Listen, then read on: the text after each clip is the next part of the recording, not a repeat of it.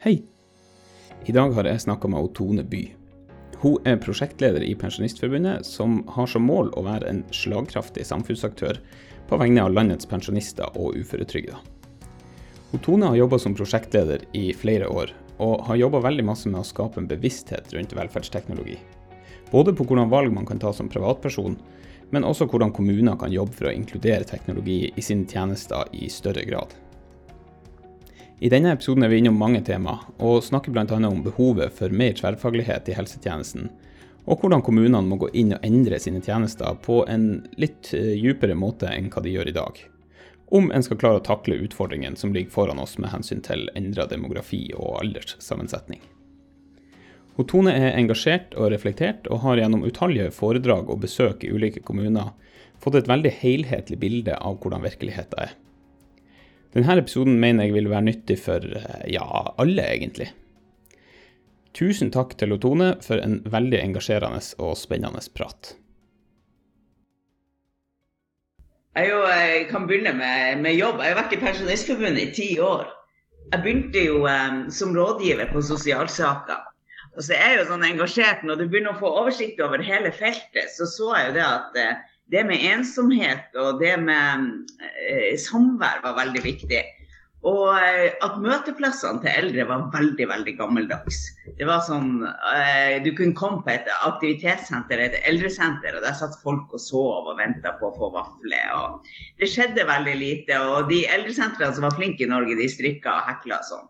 Eh, og hadde snekkerklubber. Så tenkte jeg det her er vi nødt til å gjøre noe med. Vi er nødt til å utvikle de her plassene. Så starta vi et forskningsprosjekt, et utviklingsprosjekt med Røde Kors og Høgskolen i eh, Sørøst-Norge. Ja. Og for å finne ut hvordan skal møteplassene i fremtida se ut.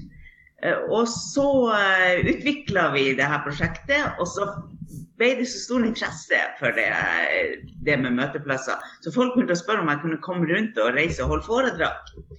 Og det gjorde jeg. Så begynte jeg å reise rundt, og eh, plutselig så var det jobben min, rett og slett. Det var videreføring av prosjektet. Så jeg reiste rundt og så fortalte hvordan kommuner og de eldre burde engasjere seg for å utvikle møteplassene.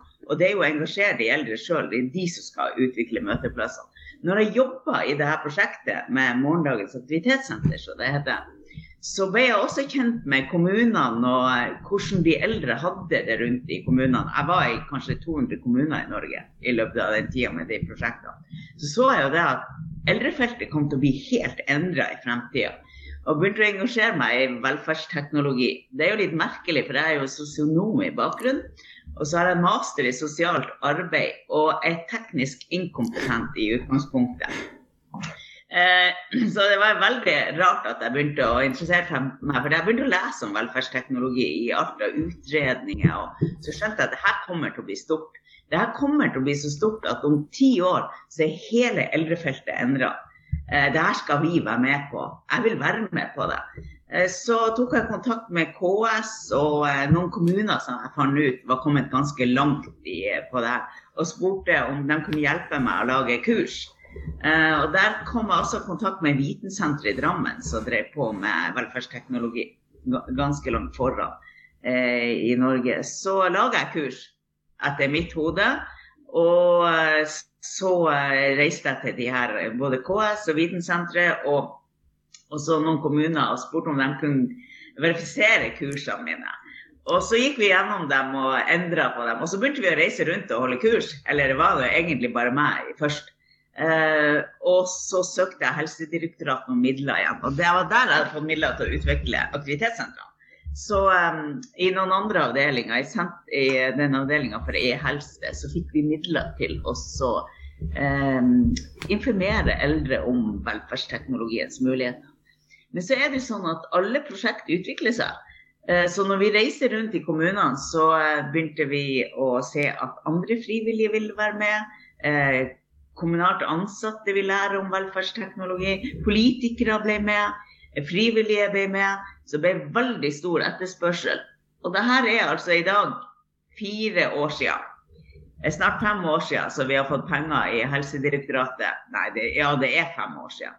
Eh, vi går vel snart på det sjette året. Eh, og kurset og prosjektet har utvikla seg. Vi har lært opp brukerrepresentanter. Vi har tatt på en måte den rollen som eh, brukerorganisasjon på dette feltet. Og som en kunnskapsaktør. Eh, Pensjonistforbundet har fått enormt stort kontaktnett rundt omkring i Norge og blitt kjent med kommunene og blitt kjent med utviklerne, eh, ikke minst. Eh, og eh, vi, Formålet vårt er jo at eldre skal få kunnskap om velferdsteknologi, men også at man, de skal få kunnskap om hvordan tjenestene bør utvikles for at teknologien skal komme inn i tjenestene. Og Der ser vi jo at eh, de kommunalt ansatte fagarbeidere nå trenger den kunnskapen.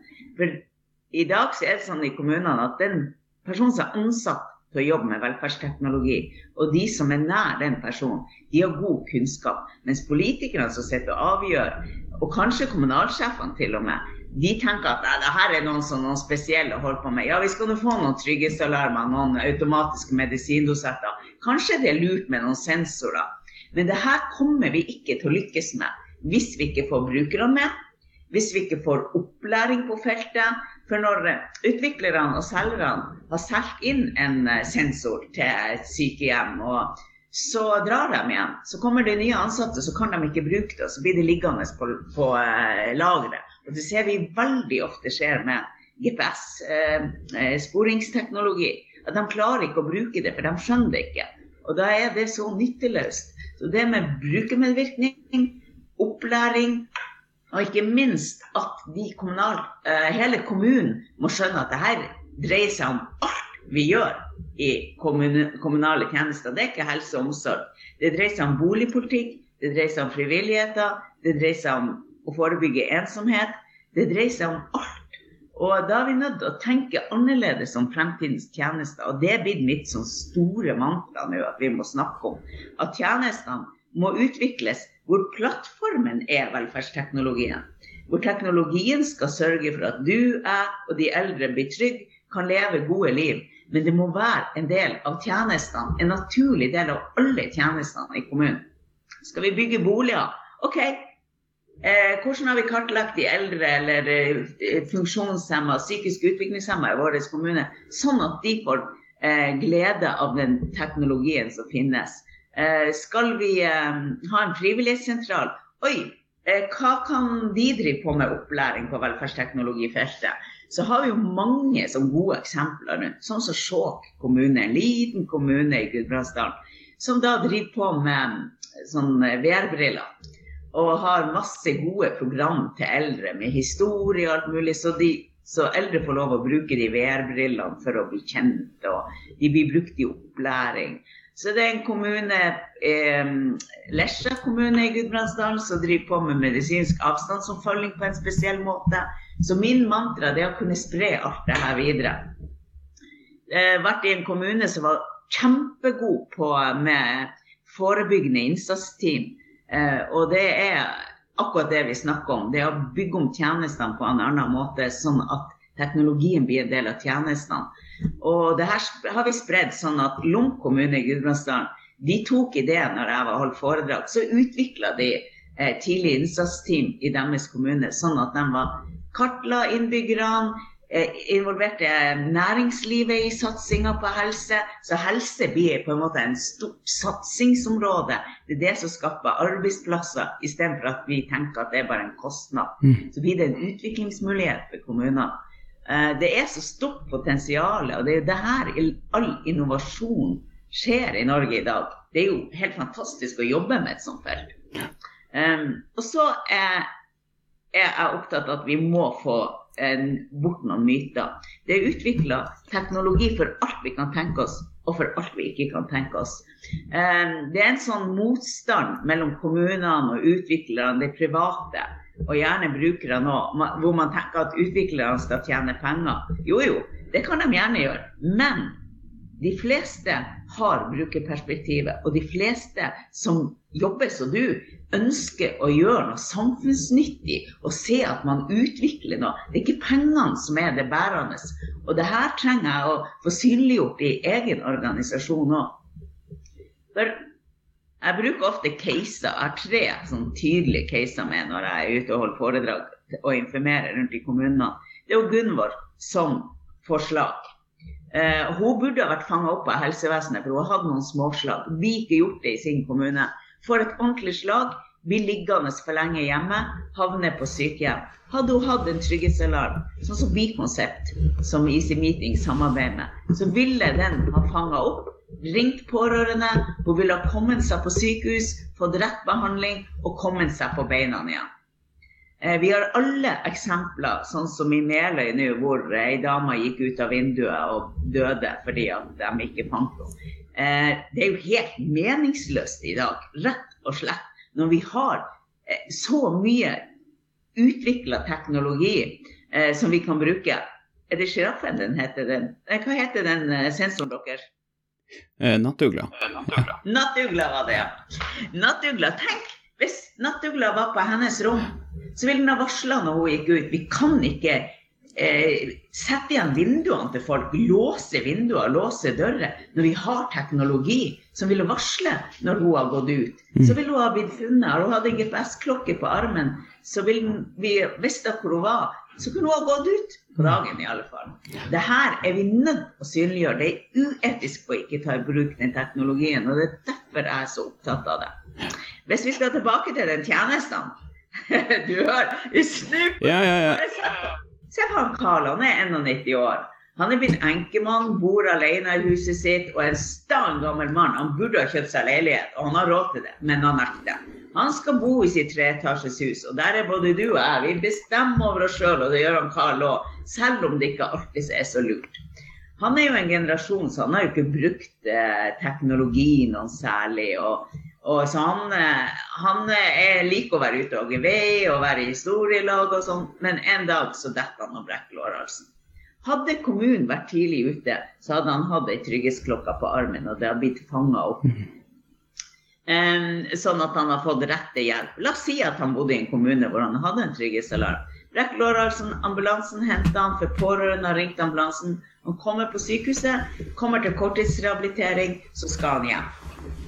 Hva skal han hjem til? Mm. Da er det kommunen må tenke Oi, det her, her er det en kommune som bygd som har utvikla seg og bygd teknologien inn i tjenestene. De kommer hjem til han Karl spør hva er viktig for deg. Jo, han vil på aktivitetssenteret, han vil i historielag og han vil dusje alene. Eh, det er viktig for han. Og så skulle han ha hatt bedre kontakt med familien sin. For alle bor på Østlandet, og han savner dem veldig. Hvordan løser man de her ønskene hans? På en enkel måte. Han må ha rehabilitering. Jo, da setter vi inn Amigo til han og sørger for at han og lærer han opp. Sørg for at han får kontakt med familien. Alle familiemedlemmene kan snakke med han. Kommunen kan snakke med han. Når du først har lært han opp på Amigo, så kan han trene seg. De kan bruke rehabilitering gjennom Amigo. For fysioterapeuten i kommunen kan ikke dra ei mil ut til Carl tre ganger om dagen og trene han. Og skal han på beina igjen når man er 91 år og har lårhalsbrudd, så må man trene mye. Og det vil Karl. Så han får Amigo. Så får han en Easy Sit fra hjelpemiddelpartner. En stol som hjelper ham opp og ned. Sånn at når det ringer på døra, så kan han åpne sjøl. Eh, det blir laga treningsopplegg. Han blir henta til aktivitetssenteret. Han prater med pårørende hver dag. Så spiser han middag med døtrene og barnebarna gjennom Amigoen. Han har trygghetsalarmen. Han får installert en uh, trapperullator som heter Assistep, så han kommer seg opp på uh, soverommet sitt uh, og får trent samtidig. Han får en automatisk dusj fra hjelpemiddelsentralen fra Nav, sånn at han får dusje alene. Sånn at, og at han får hjelp med en moderne rullator. Jeg ønsker meg en smart rullator. Kan ikke dere utvikle det? Det her det er egentlig eh, noen som har tenkt tanken, men den har blitt satt, sittende på lager. Kan tenke deg å bruke Amigoen og sette den på en rullator. Så bruker du den til å varsle når han Carl må komme seg opp for han har sittet for lenge i stol. Så kan um, um, kanskje eh, eller ikke mye, nattugla, hvis du utvikler den, så kan den varsle når han går på skeiva, sånn at han holder på å dette du kan bruke teknologien i dag på helt nye måter. Smartrullator må vi ha, det er det neste jeg ønsker meg. Sånn at han kan, kan trene sjøl og komme seg rundt i huset og lage mat. Hvis vi hadde klart det her regimet hos han Karl, og i tillegg risikorydda huset, fått nok lys til brannsikra huset. Eh, Sikra trappa med glender opp og ned, og sklisikring og sånn lette ting som eldre ikke vet om. Hvis vi hadde klart det her, så kunne han Karl ha bodd hjemme, mm. fortsatt etter lårhalsbruddet og hatt et godt liv. Bedre kontakt med familien, kommet seg på aktivitetssenteret. Vi har prøvd å regne litt på det her, skjønner du. Eh, for de fleste kommunene hvor han Carl brekker lårhalsen og er 91 år, så er det én tanke i hodet. Operasjon, ja, det må man få hvis han klarer operasjon, ja. Men det er ikke For eldre som er i god form, så er det ikke operasjon som tar livet av dem etter et lårhalsbrudd. Det er manglende tiltak. Um, og i de fleste kommunene så ville Carl fått operasjon, korttidsopphold på rehabilitering og komme hjem til det han hadde før. Og da blir han sittende i godstolen, havner på sykehjem etter tre måneder, la oss si. Hva skjer med Carl da? Han dør fort. Hvis vi gjør det som er korrekt, plasserer Amigo og nattugla og tenker lurt og snakker med hjelpemiddelsentralen og alt, da må du ha integrert teknologien inn i tjenestene. Inn i rehabiliteringa, inn i boligpolitikken, inn i frivilligheten. Da vil han Carl kunne leve et verdig liv. Og det vil være minimalt med kostnader i forhold til en sykehjemsplass. Mm. Kanskje brøkdel. Og det her er derfor jeg er så engasjert. Fordi det er rett å gjøre det. Og fordi vi har muligheter til å gjøre ting på en annen måte. Dessverre så har vi nådd kanskje 100 000 eldre, kanskje 150 000 eldre, vil jeg tro, nærmere i prosjektet mitt. Mange tusen ansatte. Men allikevel så er vi ikke kommet langt nok til å endre holdningen. Og det lurer jeg så på. Hva er det for at vi ikke klarer å endre de holdningene? Ja. Og hvorfor klarer vi ikke å endre tjenestene? Jeg, du har jo, jeg har litt erfaring fra, um, fra kommunehelsetjenesten, blant annet. Og det er, jo, det er jo som du sier, det er jo et uh, godt stykke igjen uh, til å komme dit som vi burde komme, og komme dit som du, du skisserer. Og, og uh, det er nok en sånn ja, det handler mye om holdninger, men så ser jo Altså, man ser jo at alle krever at det her skal vises, både økonomisk og i hodet, så er det jo helt eh, åpenbart at det her gir mening. Og heller forebygging enn brannslukking. Eh, det lurer jeg på hva du tenker om det. Hvor, går grensa på Hvilke grep skal man sjøl ta for å forberede seg på alderdommen og det som kanskje kommer, kontra det som kommunene skal tilby. For kommunene sitter jo og sier at nei, vi har så lite penger, vi har så lite vanskelig å få tak i personell. Spesielt her oppe i nord så er det jo, er det jo veldig vanskelig å få tak i kompetanse på de her type temaene. Det, det, er jo viktig. Men det, det, der, i dag Det er ikke så mange år siden eh, vi hadde så lite kunnskap på dette feltet, men nå begynner det å komme så mye forskning og så mye utredninger og som sagt, det finnes teknologi for alt vi kan tenke oss, og alt vi ikke kan tenke oss av problemer. Hvordan skal vi nå ut? Vi er nødt til å endre holdninger hos de eldre sjøl, men da må de få kunnskap om hva som finnes, og hvilke muligheter som finnes. Mm. For alt det han skisserte hos Carl, med, med, sensorer, med trygghetsklokke, det, det burde Carl kunne kjøpe sjøl. Og det å risikorydde huset, det burde Carl ha gjort for lenge siden. Carl burde ha tatt det ansvaret og sørga for at huset var tilrettelagt for ham, sånn at han kunne bo der. Det er ikke kommunens ansvar. Vi er nødt til å ta det ansvaret sjøl, men da må vi ha kunnskap. Når vi har gjort en undersøkelse i Pensjonistforbundet på boliger og, og en undersøkelse på velferdsteknologi, så vil jo eldre ha velferdsteknologi. 97% vil bo hjemme så lenge som mulig, og 94% av de eldre tror at teknologien kan hjelpe dem til det. Men de vet ingenting om det. Mm. Så vi er nødt av kunnskap. Jeg tenker at vi som organisasjon har en plikt. Eh, vi skal kjøre kampanjer. Kommunene har en plikt. Men noen er nødt til å utforme et eh, kunnskapssystem som kommunene kan bruke. For som sagt så finnes det ikke kompetanse og ressurser eh, til det. Så vi jobber jo som organisasjon med at vi skal få spredd denne kunnskapen. Innbyggerkampanjer, åpne møter, som sagt så er det stor forskjell hvilke muligheter eldre har i, nord, eh, i Norge. I nord vanskelig å få kompetanse, lite kompetanse, små kommuner, lite penger. Og da gjør man akkurat det man må. Man driver på som før fordi at man rett og slett ikke har ressurser til å utvikle kommunene videre. Mm. Men det går jo. Hvis jeg går tilbake til de kommunene jeg snakka om, Lesja, Lom, Skjåk. Jeg var der for fire år siden. Nada skjedde der. Jeg mener, det var som kom til et u-land. Så kommer jeg tilbake fire år etterpå, så har de fått noen ildsjeler. Noen som har spredd budskapet. Eh, og så har de begynt å utvikle ulike løsninger. Lom med tidlig innsatsteam, Skjåk med frivilligsentralen som stor, Lesja med tidlig hjemmeoppfølging, eh, eh, tidlig med digital hjemmeoppfølging. Mm. De deler kunnskapen med hverandre, og de har en ansatt i regionen som sørger for at alle får kunnskapen så spredt. Og plutselig så er de en region som er i front i Norge, som man henter inn for å fortelle hva, hva gjør dere Og det har skjedd på fire år. Eh, kommuner under koronaen har digitalisert mer på 14 dager enn de har gjort på ti år. Det går an, mm. men vi er nødt av vilje og kunnskap og kompetanse. Og opplæring er jo nøkkel. Mm. Hvordan tenker du, Jeg har jo også erfaring med at eh, kommuner er litt sånn eh, De kan nesten være litt sånn at de konkurrerer. Spesielt de som ligger inntil hverandre. Så er det sånn ja, ja, ja, nei, men de er kommet dit, men vi har det her. Nå skal du høre. Uh, så jeg tenker, hvordan kan man bryte ned de der, for det er jo så utrolig Kan jo være stimulerende på en måte at de konkurrerer, men allikevel, det er jo Man må jo dele på kompetansen, og man må dele på, uh, dele på kunnskapen.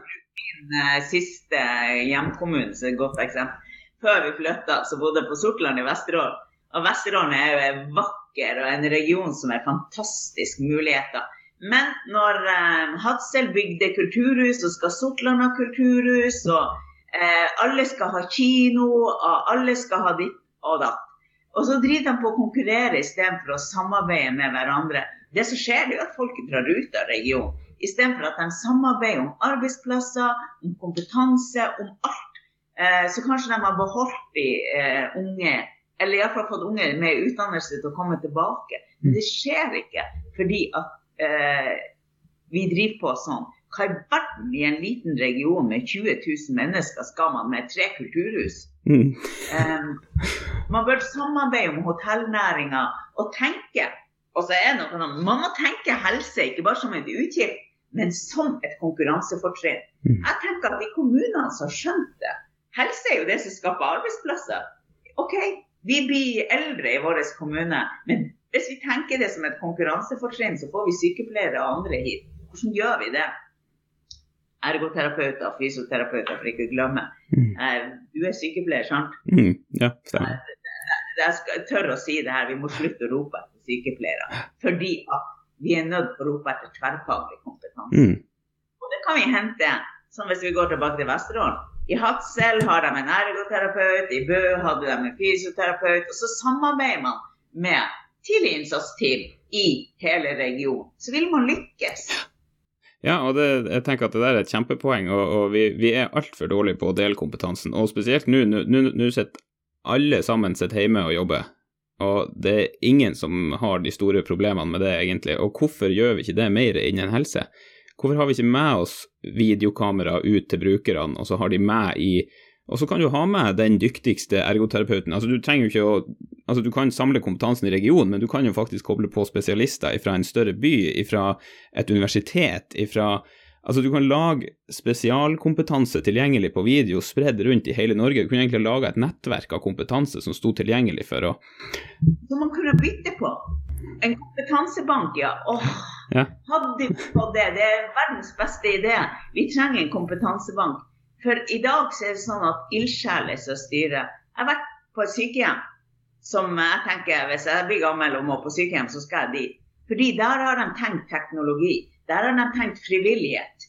Eh, der er det hunder, der er det katter, der er det høner. Eh, de har matbord som ser ut som du kommer til kongens bord til lunsj. Eh, og ingenting av det koster noe mer enn det koster å drive et sykehjem som har gjort sånn som de har gjort i 30 år. Hvordan skal vi få spredd måten de gjør det på? Hvordan har de klart det? Hvordan skal vi få spredd det til Storfjord, eh, Lyngen, eh, Alta er flink, men, men alle småkommunene i Finnmark vi er nødt til å dele. Men i dag er ikke det noe system på delinga, så de som klarer å gjøre det, da men, men, hvordan tenkte du, for det, det jeg opplevde også når jeg jobba i kommunehelsetjenesten, og, og, for så vidt inne på sykehus, også, det er jo at man sitter og veier opp. Man sitter og sier 'Å, hva det her koster', Og så skjønner man at man, man må jo kanskje ansette en prosjektarbeider eller en, en, ansatt som skal ha ansvaret, eller fordele ansvaret i hvert fall på noen. Men det koster litt ekstra penger. Og så kanskje kommer gevinsten eh, litt lengre ut, og da vil jo den gevinsten med forebygging og med at du er forberedt på hva som kommer osv. være helt enorm når du har fått de her systemene på plass og klart å endre tjenesten. Men hvordan skal vi klare å hvordan tenker du man skal klare å få kommunene til å forstå at den pukkelkostnaden der, den er så minimal i forhold til den gevinsten du får fremover i tid? Og det er ikke sikkert det lar seg måle, rett og slett, sånn, sånn i rene penger akkurat nå. Så, så, må man tenke annerledes rundt drift av, av, kommuner. Ja, man må tenke helt annerledes. Jeg var i en kommune der kommunalsjefen var så han var irritert. Han ble mer og mer irritert når jeg holdt foredrag. Eh, så sier han plutselig ja, mener du at jeg skal legge ned en sykehjemsplass for å kunne Ja, sier jeg. I realiteten så mener jeg vel det. Fordi at du kan få lov å legge ned sykehjemsplasser hvis du gjør sånn som jeg sier. Hvis du gjør sånn som jeg sier, hvis du bygger opp tjenestene på dette viset, så trenger du ikke de sykehjemsplassene. Vi er nødt til å se helhetlig kommunen. Og da er vi nødt til å bygge skatter ned mellom helse, frivillighet, bolig, eh, eh, økonomisk, alt. Vi må jobber på en annen måte. Mm. Med nettverk og med, med kunnskapen. Er du som sagt sykepleier? Når utdanna du da? Jeg var ferdig i 2011. Hvor mye lærte du om teknologi? Nei, vi, for å si det sånn, det er en grunn for at jeg tok en master i e-helse i etterkant. Eh, det er jo fordi at vi lærte ingenting. Altså til og med Eh, vi teller med om journalsystemet, som kanskje er det viktigste verktøyet en sykepleier har i forhold til dokumentasjon og det å, og, og i hvert fall følge pasienten over tid. Eh, det tror jeg vi hadde en dag eller to dager, liksom, der vi, der vi fikk en sånn kort intro. Mens i systemet så ligger det jo en hel, altså ligger et helt hav av muligheter som bare ligger brakk og dødt, fordi at det er ingen som lærer seg potensialet i det her. Uh, og det er ingen som lærer seg hvordan kan vi, kan vi, bruke det? Og jeg, jeg er helt enig. Det, det, det jeg nesten ja, har, tenkt mest på, er at eh, altså både for sykepleiere, leger, fysioterapeuter, ergoterapeuter osv., alle, så burde teknologi mye mer inn i, i utdanninga, sånn at det er en naturlig del av tanken din når du kommer ut. Det første du tenker når du får en ny bruker, det er hvordan kan vi avhjelpe denne brukeren ved hjelp av den teknologien som finnes. Og så må vi gjøre terskelen for å ta det i bruk enda lavere, syns jeg. Men jeg tror at vi trenger en ny utdannelse. Eh, for tenk det at når du gikk på sykepleien, så var det mest jenter. Det var mest damer, sånn som meg. Vi er null interessert i teknologi. Eh, og eh, jeg tenker det, det vi går ikke på syke, Man går ikke på sykepleien for man er interessert i teknologi. Enten må man få en hybridutdannelse med teknologi, sykepleier, eller så må det faktisk bli en god del av utdannelsen. Og så trenger vi alle utdannelser i Norge og et tverrfaglig løft, eh, sånn at man skjønner at eh, sykepleier klarer seg ikke alene. Vi er nødt til å samarbeide med fysioterapeuten i kommunen, mm. ergoterapeut, eh, og jobbe team. Jeg tenker De kommunene som lykkes veldig godt, de jobber team. og de henter inn de ressursene de skal til enhver. Mm. Når Karl skal hjelpe eller andre, så henter de inn ressursene. Og det bør, så du sier, det er den første tanken man tenker. Hvordan skal han kalkle seg sjøl fortsatt? Hvordan skal vi minimere eh, kommunal hjelp til han? Ikke for at kommunen skal spare penger, men fordi at han lever et bedre liv, da. Mm. Nei, Jeg er helt enig. Og, og det med teknologi, jeg tror, jeg tror, man tenker litt feil på det òg. fordi at vi lærer jo i sykepleierutdanningen at det helhetlige pasientforløpet Vi skal ta vare på pasienten fra A til Å. Og Det var derfor jeg likte å jobbe i kommunehelsetjenesten, for der fikk du fulgt opp pasienten. Men du ser jo sånn som inne på sykehus, på avdelinger der det er veldig spesialisert og ting skal gå veldig fort, det er jo en enorm rullering på ansatte, for folk slutter. Og så ser man at de plassene der de klarer å jobbe helhetlig og, og, og tverrfaglig, der de liksom får fulgt pasienten fra A til Å og gitt den hjelpa vi lærer å gi, så blir folk, fordi de trives med det, fordi det er meningsfylt å jobbe med det. Så hvis, hvis, vi hadde lært også å kunne ta i bruk ny teknologi for å gi den helhetlige hjelpa, så tenker jeg at da, det, da, blir det plutselig en helt naturlig og integrert del av, av faget. Så jeg, jeg, tenker at det, det er absolutt viktig. Ja. Jeg er opptatt av at siden det er så mange sykepleiere som jobber i kommunale helsetjenester, og det er mange som ikke er interessert i teknologi, så må opplæringa være eh, veldig god. Det finnes eh, opplæring. En app heter SkillAid der kan man legge inn Amigo, eh, nattugler og alt dere har. Alt man kan ha som f.eks. Hvis Tromsø kommune brukte de her inn i sykehjemmene og hjemme, så kan man legge det inn i en, en app eh, hvordan opplæringa på det her er. Så det betyr at jeg som ikke er teknisk, vil kunne åpne den appen, og så kommer jeg til Karl. Hvordan var den her Amigoen fungerer? Den er avslått. Han, han bruker den ikke, og nå får han prate med dattera i ettermiddag. Hvordan kan jeg hjelpe han? Da åpner jeg bare appen, og så ser jeg på, eh, tar opp Amigoen og så leser jeg hvordan det var. Å ja, det er så enkelt, det er bare sånn å gjøre. Nei, han har jo tatt ut kontakten, det er derfor. Altså, man vil, man vil få den opplæringa på nytt og på nytt og på nytt igjen. Den er tilgjengelig for alle. Når jeg slutter, så vil hun, Kari som blir ansatt i min stilling, også ha opplæringa tilgjengelig hele tida. Og det er vi òg nødt å lykkes med, fordi at eh, vi ikke er så mange som jobber i tjenestene, ikke er så teknisk interessert. Men jeg opplever jo at når de ansatte skjønner at de eldre er positive til det her, mm. og at det her er nyttig, og at jeg mestrer det, at det her er ikke farlig, jeg, jeg klarer å få denne trygghetsalarmen til å fungere, så blir, så blir, det nyttig. Men vi må komme over det. Mm. Men det er også noen flere ting vi er nødt til å lykkes. Når de ansatte en velferdsteknologiansvarlig i en kommune, hvor er den i ledelsessystemet.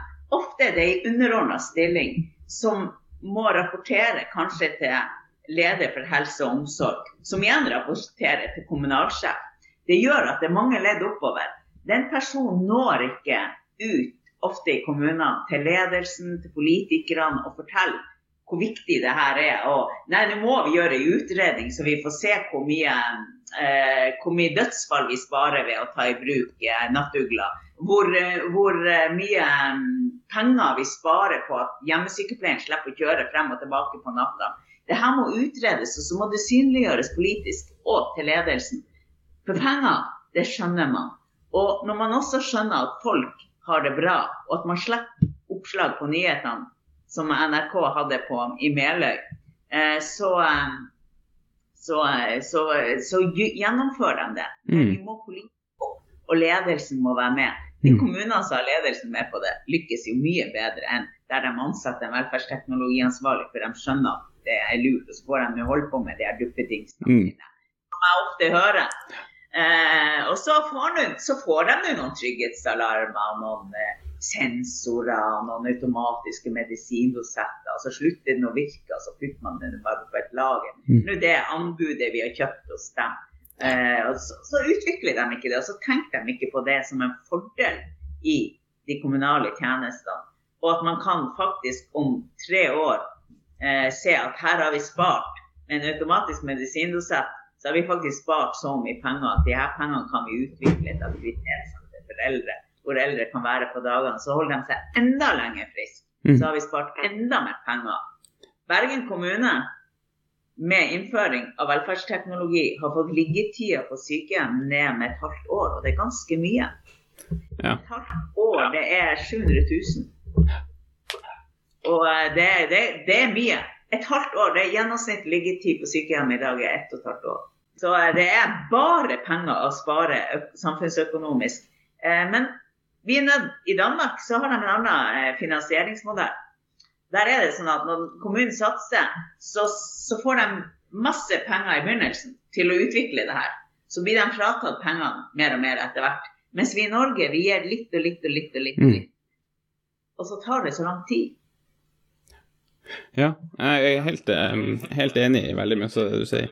Eh, det jeg også opplever, er jo at når du spør de eldre eh, direkte, så, så som du sier, så er de jo positive. Eh, eller de som er på tur å bli eldre. Altså De fleste tar jo i bruk ny teknologi. Og jeg hadde en case der vi tok med ei, ei, ei dame på, på, et sånn visningsrom for velferdsteknologi. Der eh, vi spurte om hun kunne tenke seg til å ha kameratilsyn eh, på soverommet. Og så sa hun at ja, hun vil ha det både på soverommet og i stua og i gangen. For hvis hun kunne slippe at de her folkene kom innom henne hele tida, men at noen allikevel fulgte med, så klart hun ville ha det. Hvorfor, hvorfor ikke? Men så sitter vi og tenker at nei, eller tjenesten eller de ansatte tenker at uff, nei, kamera, overvåkning, det er skummelt. Eh, men, men det, er jo, det, er jo, enda mer inngripende å gå rett inn i, i huset til folk. Men, men hva, hva, tenker du? Vi tenker det allerede når vi er på min alder. Jeg 85, mm. er en annen generasjon enn du. min generasjon burde få beskjed hvordan har du tenkt å planlegge boligen din? Jeg bor i en bolig som er helt uh, ubrukelig om uh, eh, 15 år. Jeg er nødt til å selge den, eller jeg er nødt til å bygge et soverom. Det her vet jeg fordi jeg jobber med det, men folk vet ikke om det. Mm. Vi er nødt til å tenke at dette er vårt eget ansvar å sørge for at vi har en funksjonell bolig Men vi trenger eh, mye mer kunnskap om det. som sagt, alle vil ha muligheter. Alle kom inn. Hvis jeg snakker med folk på min alder, så vil alle ha muligheter. Ingen vil ha kommunale tjenester hvis man kan unngå det. Men det er ganske mange av de eldre òg. Jeg har et ektepar som jeg har ganske god kontakt med, hvor hun har alzheimer. Um, og uh, han, de har skaffa seg ei trygghetsklokke sjøl, og den har de hatt i seks-syv år. Hun bor hjemme fortsatt mm. og kunne ha gått tur, forebygd og holdt utviklinga nede ved å leve sånn som hun har gjort. Brodert og hekla og strikka og ja, gått turer og vært sosial. Mm. Har, altså, hun lever jo et helt annet liv enn med den klokka. Ja. Hennes pårørende gjør òg det. Mm. Um, så er det noe med det at uh, ikke langt fra det Jeg skulle ut til en kommune uh, her for noen år siden og holde foredrag, ikke så langt fra der du sitter. Og da fikk jeg høre at kommunalsjefen hadde sprunget ned i trappa og brekt noe. Ja. Jeg vet ikke hvor det gikk med den kommunen... Nei, det, kom... det var kommunelegen. Ja. Var det. Uh, det er jo helt grusomt. Eh, og vi må jo bare ta inn over oss at de fleste ulykkene vi utsettes for, de skjer hjemme. Mm. Hvordan kan man unngå at sånne ting skjer? Jeg er på 55, jeg har sklisikring i trappa mi. Fordi at sønnen min på din alder sa jeg kan ikke ha eh, sokker på meg fordi at jeg holder på å slå meg i hjel i trappa deres. Så skaffa vi oss eh, sklisikring. Eh, vi har tenkt at eh, nå begynner jeg å bli såpass på i årene at jeg må ha bedre lysforhold hjemme. Hvem tenker på det? 70% av de eldre har det for mørkt. Ja. Enkle ting å gjøre mm. som vi er nødt til å gjøre. Uh, vi har jo hatt noen webinarer. Det kan vi bruke som en sånn uh, kunnskapsbank, men vi må ut med kunnskap. Ja. Ja, det er det jeg lurer på. Hvordan Det er, liksom, det er første bud. Eh, tilrettelegg boligen din så du kan bo i den. Eh, sett deg inn i hva slags teknologi vil du ha. Det første jeg vil kjøpe, det er trygghetsklokka. Når jeg trenger den trygghetsklokka, så måler den hjerterytme og sender beskjed til fastlegen om noen år, for dit kommer vi. At nå må jeg komme inn til en undersøkelse, for nå er hjerterytmeforstyrrelsen eh, virker ikke helt bra. Fastlegen får varsel. Vi kommer dit. Mm. Den, jeg håper iallfall det. Og at det måler blodsukker, og at klokka kan måle kanskje blodtrykk og alt mulig rart. Eh, det blir jo å skje. Eh, den klokka vil jeg ha. Den skal varsle når jeg går på fjelltur, sånn at jeg er trygg på mine fjellturer. Eh, eller når jeg er på havet. Det er jo ofte sånne ting man er nødt til å informere mm. folk om. at nei, Det handler ikke bare om demens at du skal ha ei trygghetsklokke. Det handler om å være trygg i livet ditt. Uh, ja, jeg tenker på hvordan kan man bli bedre, for det er jo mange kommuner som har uh, forebyggende hjemmebesøk, altså tjenester der de reiser rundt til én og én og så har med kanskje masse brosjyrer, og, så, og det er jo kjempebra. Uh, men, men, som du sier, vi, vi, er jo ikke der at, at det liksom ses på som en like viktig del som å utøve faktisk kommunale helsetjenester, så tenker vi at forebygging det får liksom en litt sånn lavere status her nede, og så blir det ikke prioritert høyt nok. Eh, så tenk, hva, hva, mm, ser, du noen sånn enkle, ser du noen grep for, eh, som kommunene eller som ja, kanskje på, på, høyere nivå, altså på statlig nivå, man kan ta for å, for å få det her mer frem i, frem i dagen? Eh, vi er nødt å, for det første, vi er nødt, Kommunene er nødt til å bygge andre tjenester på andre måter. Vi er nødt til å utvikle dem. Og vi er nødt til å ansette andre folk enn vi gjør i dag. Eh, når jeg ser småkommuner som eh, betaler sykepleierne 100 000 ekstra i lønn for å få dem til å komme til nord noen plass, så tenkte jeg hjelpe meg. Og så er vi nødt til å lære dem godt opp. Fagarbeidere vi skal ikke kimse av fagarbeidere, for det er de som kommer til å drive tjenestene fremover. De må ha videreutdanning på det feltet. Gi dem gratis videreutdanning. Eh, Risør kommune de har hatt en filosofi vet jeg, at alle de som jobber innen eldreomsorg, jobber du med demens, jobber du med rehabilitering, så skal du ha videreutdanning i det. Og det, det er noe som kommunen tilrettelegger for at du skal få ta. Mm. Eh, og så bygge andre tjenester. Eh, I dag så er det for tunge veier. Eh, er du ute og Karl, du ser at han Karl sliter, han kunne hatt godt et korttidsopphold på sykehjem, så må du gå gjennom ledelse og gjøres vedtak. Vi må gjøre så også som Risør kommune, vet jeg De har gitt fagarbeiderne eget ansvar. Ser hun Kari som er på jobb hos han Karl, at han Karl sliter, så har hun fått ansvar for å kunne gi han den korttidsplassen uten at det må være noe vedtak. Og så det, kommer det et vedtak senere. Hun har et eget ansvar, og det gjør noe med hele feltet. Mm. Og de har bygd eh, de har bygd eh, et helt annet system eh, for tjenestene. Sånn rent statlig, ja, det må satses på velferdsteknologi. Og vi kommer ikke bort ifra, selv om jeg tenker at det er ikke hovedårsaken til at vi ikke er kommet så langt i Norge, at vi ikke har kommet lenger og tatt i bruk mer teknologi, så handler det om penger. Mm. Vi er nødt til å få at enhver, enhver skitne regjering sørger for at kommunene har mulighet til å satse med midler. Mm. I dag så er det bare 3 av de som trenger det, som har trygghetsalarm eller GPS. Eh, det er kanskje det første hjelpemiddelet vi kommer borti. Så må vi ha sensorer hjemme. Alt det her må gis muligheter til. Og så må staten ta et ansvar for at vi får den kunnskap i lag med KS og i lag med kommunene, organisasjoner. Vi trenger et løft. Mm. Men penger òg. Um, ehm, det finnes jo ufattelig mye bra utvikling i Norge. Og det er så mye gründere, og det skapes så mye arbeidsplasser. Husker du jeg snakka om eh, han Karl han skulle få en trapperullator?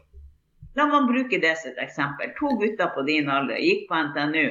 Bestemora til han ene brakk lårhalsen og kom seg ikke rundt i huset.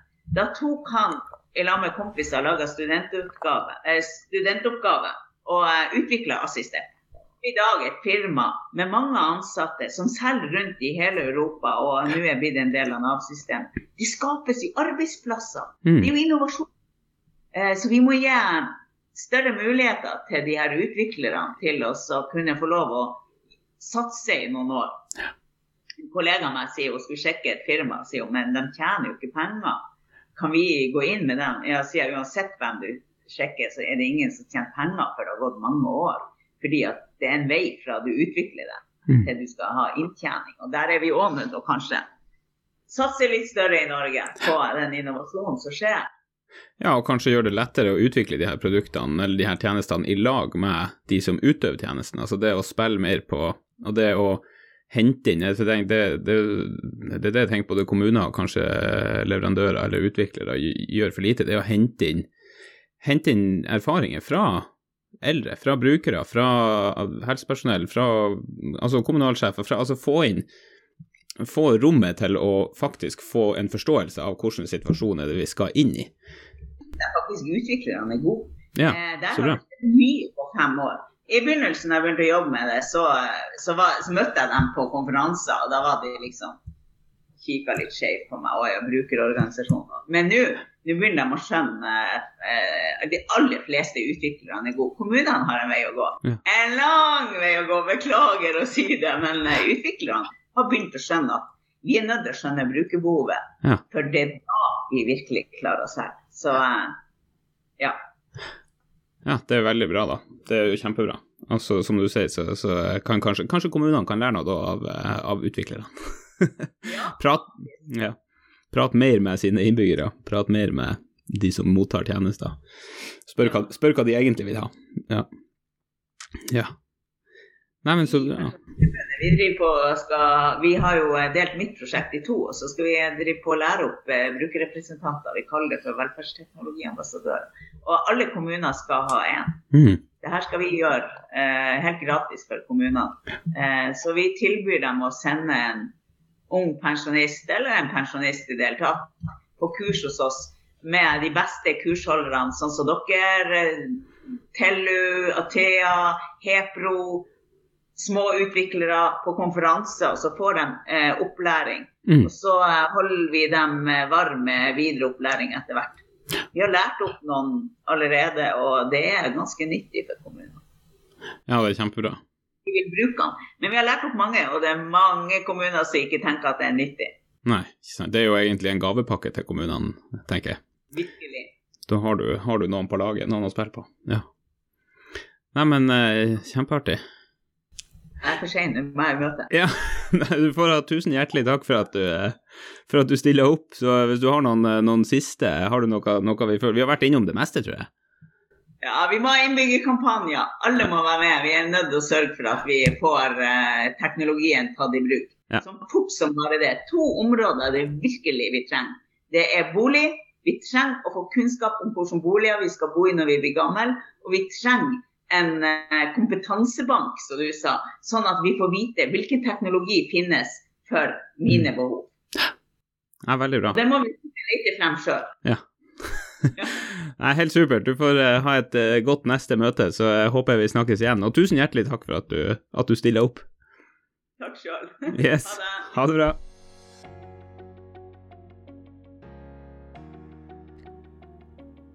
Da var min prat med Tone over, og jeg håper at dere som hørte på, sitter igjen med både kunnskap og inspirasjon.